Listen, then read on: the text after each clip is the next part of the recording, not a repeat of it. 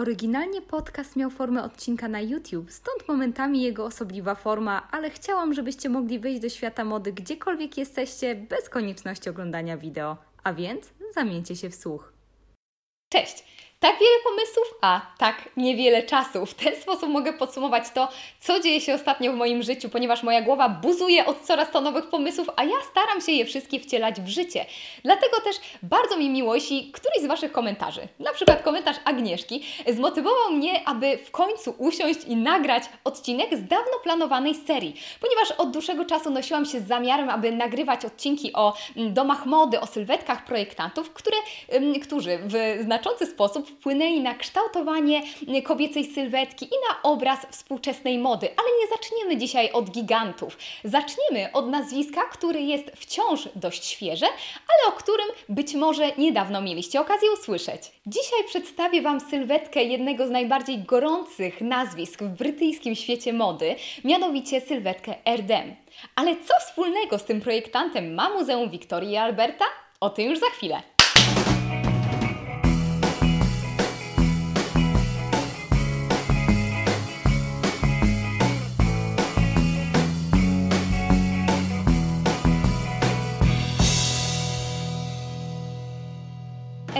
Wciąż bardzo młodym projektantem, przynajmniej dla mnie. Ma około 40 lat, jest tureckiego pochodzenia, dorastał w Kanadzie.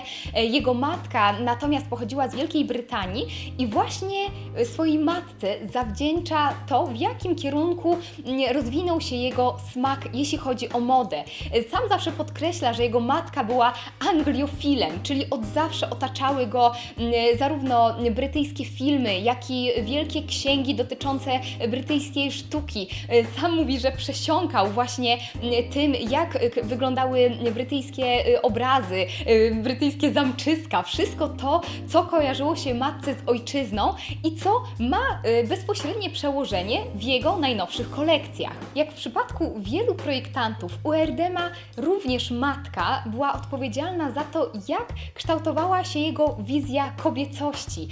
Sam był zafascynowany tym, jak po użyciu na przykład pomadki czy perfum zmieniało się jego postrzeganie swojej własnej matki. Eden zawsze był zafascynowany tym, jak właśnie poprzez modę może modyfikować obraz kobiety. Jeśli chodzi jeszcze o jego dzieciństwo, wspomina o tym, że jego pierwszą kreacją była ta uszyta dla lalki Barbie i tutaj również poszedł w klasykę, ponieważ uszył tej lalce gorset oraz spódnicę z pełnego koła. Często mówi się, że Erdem ma e, takie dosyć analityczne podejście do mody. Stąd też, kiedy mm, zafascynowała go właśnie moda, to jak zmienia e, ona postać kobiecą, mm, zaczął zgłębiać sylwetkę wielkich mistrzów krawiectwa, wielkich e, twórców, jeśli chodzi o modę. I sam mówi, że Charles James wywarł na niego największy wpływ, jeśli chodzi o samo krawiectwo. Natomiast Yves Saint Laurent najbardziej wpłynął na niego, jeśli chodzi o budowanie jego wrażliwości Eden postanowił przekuć swoją pasję w wiedzę praktyczną, dlatego też w 2001 roku wyruszył do Wielkiej Brytanii, aby studiować w Royal College of Art. Później miał praktyki u samej Vivienne Westwood, miał okazję również współpracować z Diane von Furstenberg, ale to właśnie mm, Wielka Brytania była dla niego magnesem, tutaj osiadł i tutaj właśnie pragnął rozwijać swoją markę. Swój kunszt i swój sukces Erdem zawdzięcza przede wszystkim bardzo ciężkiej pracy. Wspomina, że nawet ym, dzisiaj pracuje prawie 7 dni w tygodniu, po wiele godzin. W wolnych chwilach zaś przesiaduje w Muzeum Wiktorii Alberta i tam zgłębia y, tekstylia historyczne, jak i różnorakie wzory kwiatowe, ponieważ jak wiecie, albo nie wiecie i zaraz się dowiecie, wzory kwiatowe są właśnie motywem przewodnim w wielu, wielu kolekcjach Erdem. Upór i pracowitość zaowocowały powstaniem w 2005 roku marki Erdem. Ale e, dopiero 10 lat później, ponieważ w roku 2015 powstał pierwszy butik marki. Dlaczego? Dlatego, że Erdem uznał, że dopiero wtedy był gotów, aby otworzyć butik dokładnie na swoich własnych zasadach, nie idąc na żadne kompromisy. Jednakże warto tutaj nadmienić, że kolekcja prezentowana w roku 2008 już zachwyciła krytyków. Przede wszystkim ze względu na wzory, ponieważ y, Erdem mm, brał y, y, takie jednoznaczne wzory, które przypominały jakieś bukiety, kwiaty, motyle, a następnie rozmazywał je tak, aby, jak sam wspomniał, przypominały obraz, kiedy jedziemy pociągiem, a więc były tutaj bardzo rozmyte wzory, modelki przypominały właśnie osoby, które są cały czas w ruchu. Dzień dobry, Rupert. Co właśnie ugruntowało pozycję Erdem na rynku. Dziś kolekcję Erdem możemy znaleźć w ponad 170 ekskluzywnych butikach. Co więcej, jest jednym z domów mody, które prezentują bardzo szeroką gamę rozmiarów, ponieważ od rozmiaru 34 po rozmiar 44. Jak sam Erdem wspomina, jest zafascynowany tym, jak dana rzecz e, inaczej wygląda na każdej kobiecie oraz jak inaczej prezentuje się w różnych rozmiarach. Kobiece kroje i ponadczasowe sylwetki sprawiły, że Erdem zyskał bardzo znaczącą klientelę. Od koronowanych głów, e, arystokratów, po znane osobistości ze świata polityki, jak i e, ze świata show biznesu. Sam Erdem pytany o to, jaką kobietę ubiera, odpowiada każdą. Tak naprawdę mówi, że ubiera i 18-latkę, i 70-latkę, ubiera i Azjatkę, i Europejkę. Po prostu każda kobieta znajdzie u niego coś dla siebie. Styl Erdem często nazywa się romantycznym, nostalgicznym, pełnym zdecydowanych kolorów, kobiecych wzorów, Rupert jest naprawdę zafascynowany tym odcinkiem. Oraz nawiązań do przeszłości. Jest tam wiele kunsztownych elementów, e, takich jak koronki, e, plisy, e, falbany. To wszystko tworzy kobiecą sylwetkę w takiej idealnej definicji, definicji właśnie z przeszłości, czyli kobietę w takiej sferze romantycznej, chociaż on sam również przełamuje te granice, ponieważ na przykład mówi, że bardzo lubi łączyć geometrię formę, y, obleczoną na przykład w koronkę, albo y, na przykład motyw moro plisami, y, czyli coś, co teoretycznie ze sobą nie współgra, ale przez kontrast właśnie stanowi świetną, świetną całość. Na pewno słyszeliście o kolaboracjach firmy H&M ze znanymi domami mod. Tych kolaboracji na przestrzeni lat było bardzo wiele, ale o ile mnie pamięć nie, nie myli, z reguły były to kolaboracje z bardzo znanymi domami mody o ugruntowanej pozycji. Dlatego też wiele osób y, zdziwił, ale też ucieszył fakt, że H&M sięgnął właśnie po Erdema, więc no nie dziwota, że ta kampania cieszyła się też y, tak ogromnym zainteresowaniem, ponieważ